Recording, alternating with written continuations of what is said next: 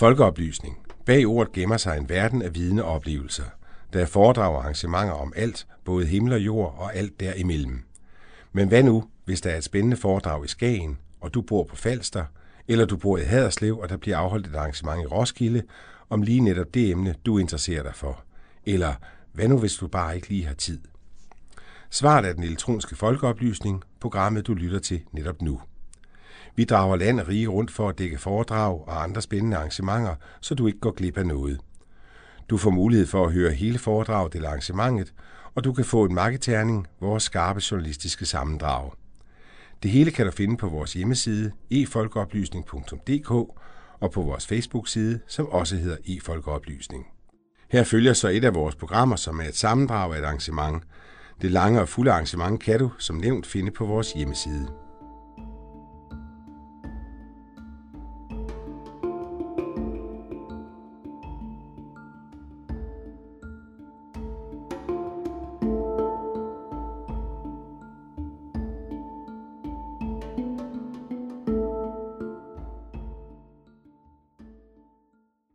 Flygtninge- og indvandrerpolitik har i mange år nu været et hit og meget debatteret emne. Igen og igen er det blevet sagt, at flygtningene skal lære at blive danske, at de skal integreres.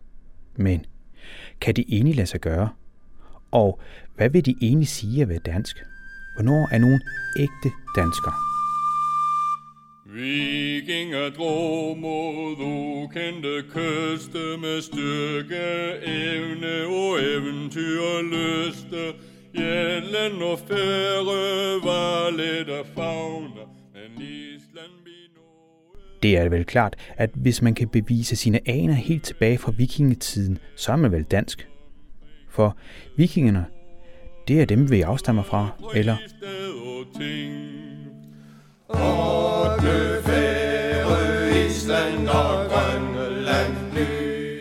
Men der er reelt kun medlemmerne af kongehuset, der i bedste fald kan spore deres aner så langt tilbage i tiden. Og de er jo også blandet. Det får mig til at tænke. Findes der må noget eller nogen, der er ægte dansk eller nordisk? Altså sådan en ærketype på en dansker. Ublandet en slægtslinje, der stammer direkte fra stenalderen eller Bregefolket, som Johannes V. Jensen kaldte danernes fjerne aner i et af sine nationalromantiske, ja, ligefrem nationalistiske bøger. Bregefolket var ifølge nationalromantikere det jæger- og samlersamfund, alle daner skulle stamme fra. Det lyder fantastisk. Et simpelt liv, hvor man samler bær, spiser rødder og så tager på jagt, når man er sulten.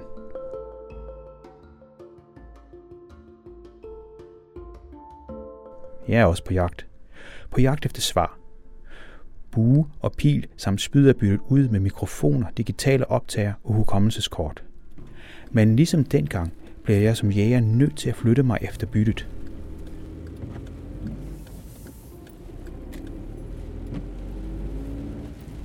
Jeg sidder i bilen på vej til København fra Fyn. Målet er PH Metropol, hvor Eske Villerslev skal holde et af sine ret sjældne foredrag. Et foredrag, der både lover eventyr og nyt om genforskning. Fastlåst i dag, kan man sige, det er, det er en indvandring. Og det er en indvandring, som kommer fra Mellemøsten og fra Nærøsten, hvor man har lært at dyrke jorden, og man spreder sig simpelthen op igennem øh, Europa. I Sydeuropa, der er de her bønder, de møder jægerne, og de har voldsomt sex med hinanden. De har så meget... Mens jeg hører Villerslavs foredrag, går det mere og mere op for mig, at indvandring slet ikke er noget nyt. Den ene folkevandring har afløst den anden. Folk herfra vandrer ud den ene gang, mens andre vandrer ind den anden gang. Noget, der også bliver understreget af historieforskning, eller hvis man bare ser sig en smule omkring. I byen Fredericia vil man fx kunne finde mange med fransk klingende efternavne, som Laurent. Men de alle pære danske at se på, og øvrigt også at lytte til. Men efternavn vidner stedet om en indvandring af især hugenotter til fæstningsbyen. Det er bare et lille eksempel på en indvandring, som i dag kun meget få mennesker tænker over.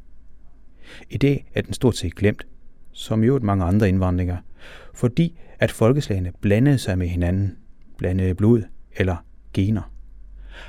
Apropos gener, så bliver de netop ofte knyttet op på racebegrebet, som f.eks. de tyske nazister brugte, og mange på den yderste højrefløj i hele verden stadig bruger. Så er der ikke en fare ved genforskningen, nemlig at den kan udnyttes af racister og den stadig voksne skare af nazister. Er det i virkeligheden ikke netop raser, Eske Villerslev forsker i? Så det svarer han. Jo, altså jeg vil sige, øh, faktisk så synes jeg, en af de vigtigste ting, der er kommet ud af de her genetiske studier tilbage i tiden, det er, at det er et opgør med hele racebegrebet. Altså racebegrebet går ud på, at der er nogle bestemte folk, befolkningsgrupper, der har været separeret fra hinanden ekstremt længe. Og det er også det, der ligger, kan man sige, hele apartheid-tanken, det er, at man skal ikke blande noget, som kan man sige naturligt har været separeret fra hinanden meget længe. Det vi kan se af genetikken er jo, at det er fuldstændig forkert.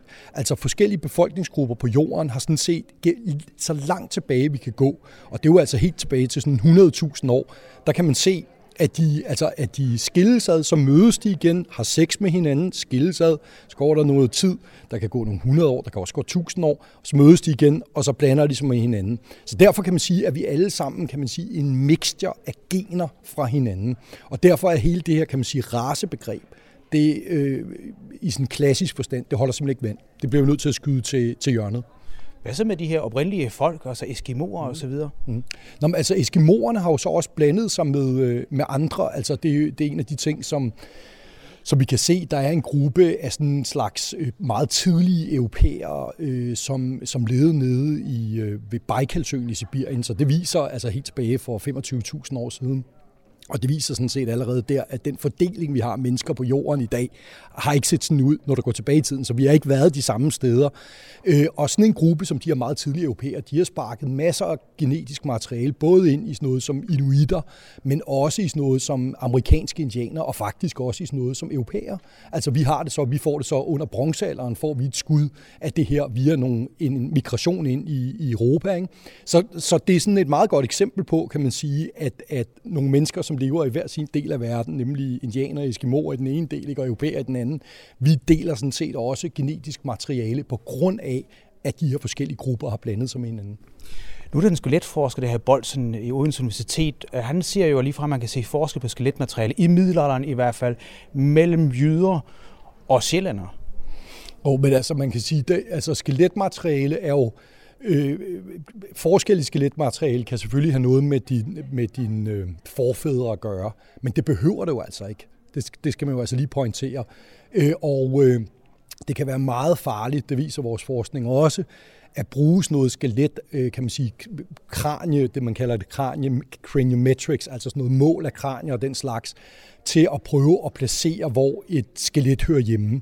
Øh, et rigtig godt eksempel på det er en meget øh, kendt sag. Vi var involveret i USA med et skelet, der hedder Kennewick Man, som er sådan et 9.000 år gammelt skelet, der blev fundet i Washington State, og hvor at den her fysiske antropolog, han netop lavede sådan nogle kraniemålinger, og så sagde han, prøv at høre, det her, det er en europæer, ikke? og så kom C14-dateringerne tilbage 9.000 år, ikke? og så var alt jo oppe i uh, ikke? fordi så at Gud, har der været andre mennesker end indianere tidligt, og så videre, måske har der været tidlige europæere, og der vi lå sådan lidt implicit, du ved, at uh, så kom vi jo bare tilbage som europæere, og tog det, tog det, der i virkeligheden allerede var vores, og så videre. Så den var helt, og det førte jo til en retssag, der varede 10 år, Øh, og hvor at videnskabsfolkene på den ene side sagde, at indianerne skal ikke have det her skelet tilbage, de vil have det tilbage og genbegrave det. Ikke?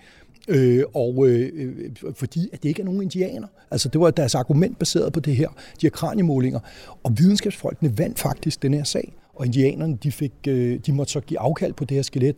Man prøvede at lave DNA-test, man kunne ikke få noget ud. Så fik vi en lille håndknogle, øh, som var resten fra den test, man havde forsøgt at lave. Og derfra, der kortlagde vi hele arvemassen, og hvad viste sig? 100% indianer. Der er ikke øh, mere europæer eller noget som helst i Kennewick Man, end der er en anden levende indianer. Og det betød, at Obama, lige før Obama han forlod det hvide hus, så lavede han et dokument øh, med en masse forskellige ting omkring Native Americans, og deri stod der også, at indianerne skal have Kennewick Man tilbage. Og han blev så begravet her, øh, jeg tror faktisk, det var ja, lige sidste år.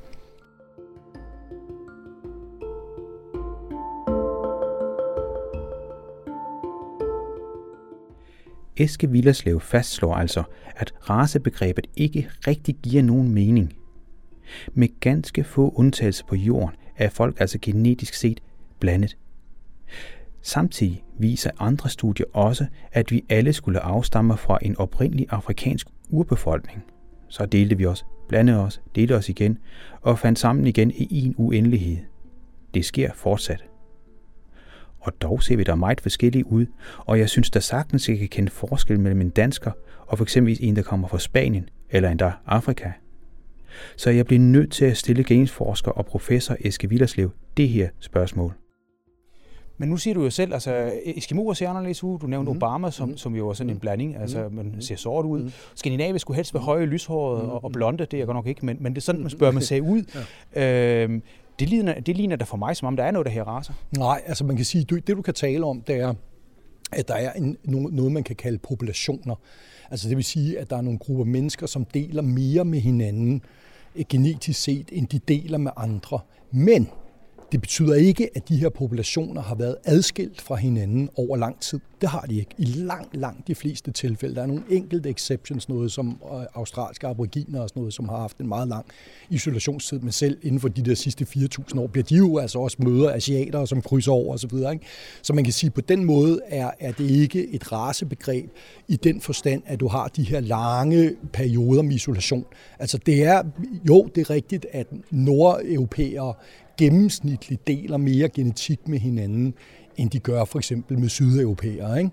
Men, men det betyder slet ikke, at der ikke har været en masse øh, genetisk øh, exchange, altså mellem de to grupper. Nu er det jo en del, øh, altså nu kan vi godt kalde det for højrefløjen i USA i hvert fald, mm. som siger jo, altså man skal ikke blande sorte med hvide osv. Det vil sige, det giver ikke nogen mening. Altså det giver for det første ikke mening, synes jeg, fordi der ikke er noget racebegreb, så man kan sige i hvert fald, det argument, det, det, det kan man i hvert fald ikke bruge, hvis man vil tage den politiske vej. Men det giver faktisk heller ikke nogen mening, hvis dit mål er at få, øh, få kloge børn. Fordi der er sådan set også genetiske studier, som er kommet frem, at i hvert fald gennemsnitligt, det er selvfølgelig gennemsnitligt, så er det sådan, at nu mere heterozygot du er i din arvemasse, det vil sige, du har jo to kopier, en fra din far og en fra din mor, ikke? og nu mere de forskellige de er, kan man sige, de to kopier, desto højere er sandsynligheden for, at dit barn får en høj IQ. Så, så det, altså, hvad kan man sige, hvis du tager det for gode varer, de studier der, så gælder det altså om at, at finde en partner, du ved, som, som er rigtig forskellig for dig selv. Ikke?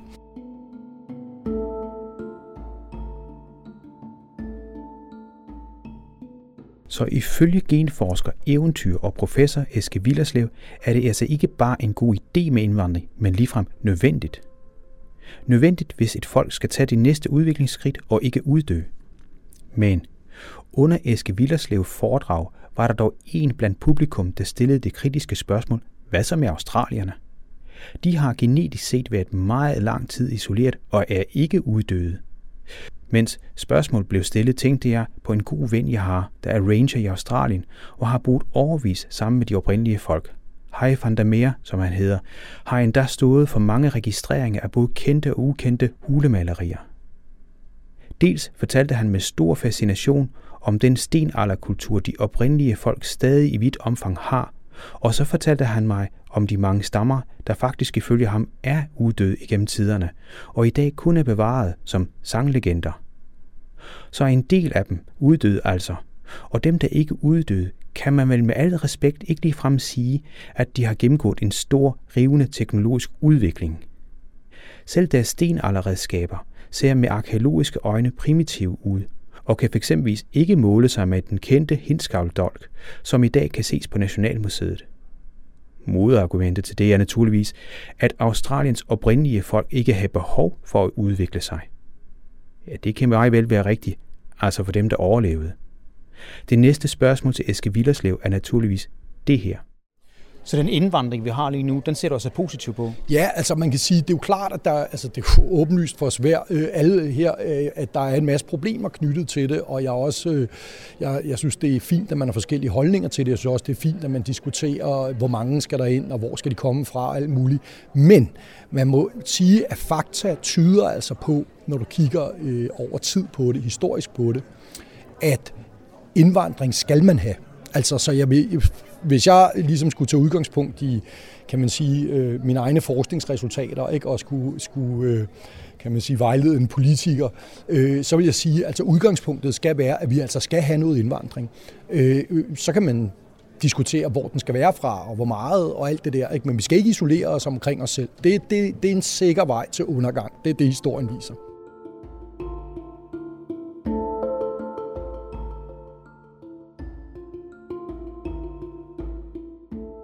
Så hvis Danmark og andre lande ikke har en indvandring, så er det ifølge professor Eske Villerslev den sikre vej til undergang. Det er da et citat, jeg kan forstå. Det budskab har genforskeren med i sine foredrag. Og netop hans positive og forskningsbaserede tilgang til indvandring var årsagen til, at aftenskolen.dk og Kulturmix havde bestilt ham som foredragsholder til deres arrangement, som i øvrigt var udsolgt. Projektleder Rune Rismøller fra aftenskolerne.dk og Kulturmix uddyber her. Og Kulturmix er en aftenskole, som er stiftet af nogle forskellige foreninger i København, som alle sammen har en eller anden form for relation til, til Københavner med udenlandsk baggrund. Øh, øh, mange forskellige nationaliteter, som, som står bag den her aftenskole. Det vil sige, at, at skolen er stiftet på øh, et grundlag, øh, der hedder, at, at der er ikke noget hierarki mellem kulturer. Alle kulturer har deres egen værdi. Øh, alle kulturer er er lige værdifulde, øh, er en del af menneskehedens samlede, samlede arv, hvis vi skal sådan tale med, med meget store, i meget store øh, begreber. Så da vi begyndte at, vi er sådan en rimelig ny aftenskolestift i 2015, men da vi synes vi havde fået erfaring og, og øh, pondus nok til at kunne binde an med et større foredragsarrangement, så var det sådan set meget naturligt, at, at vi øh, hvad hedder det, rettede blikket mod Eske Villerslev øh, til at starte med, fordi han jo i sin forskning har, øh, og i sin, den måde, han i praksis har udført sin forskning på ved at tage ud og, og øh, leve blandt øh, andre folkeslag på deres betingelser. Øh, altså ikke, ikke mm, kan man sige, studeret dem udefra, men også øh, gået ind bag kulissen, har han i praksis øh, øh, udlevet noget af det, som, som er vores værdigrundlag, altså den der kulturernes øh, øh ligeberettigelse. Så, så vi synes, han kunne være et rigtig, rigtig godt øh, øh, bud på en, en interessant foredrag.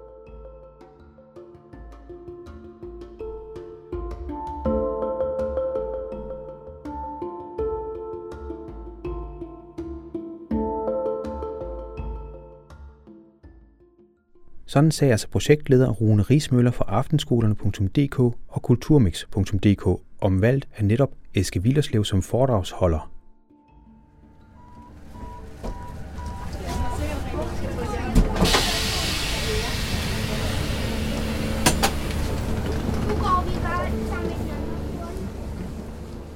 Vej hjem i toget spekulerer jeg lidt på Eske Villerslevs citat, indvandring eller uddø indvandring vil blive ved, det er der jo ingen tvivl om. Uanset hvor mange grænsebomme vi sætter op. Selv da Dannevirke stod som grænseværn med svært bevæbnede vagter på toppen af muren, lykkedes det sjældent at stoppe indvandring. Eller endda angreb. Men helt gnidningsløst har indvandringen nu aldrig gået for sig. Det vidner blandt andet fund fra slagmarkerne om. Så helt let vil det nok heller ikke gå den her gang. Men historien viser, at det endnu altid er lykkes at få integreret endda meget fjendtlige folk. Det er der jo ikke tale om dengang. Der er ingen svært bevæbnede invasionsstyrker syd for vores grænse. Så min ellers sædvanlige pessimisme er der vist ikke brug for i den her sag. I hvert fald ikke i det lange løb.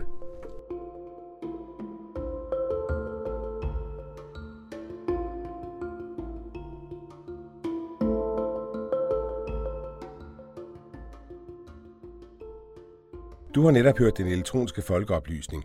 Du finder os på efolkeoplysning.dk og på Facebook under samme navn. Her kan du både finde hele foredrag og journalistisk bearbejdede magasinprogrammer. Det er podcast for arrangementer over hele landet om alt mellem himmel og jord. Det du kan være sikker på er, at det er skarpt, det er relevant, og det kan være ny og overraskende viden.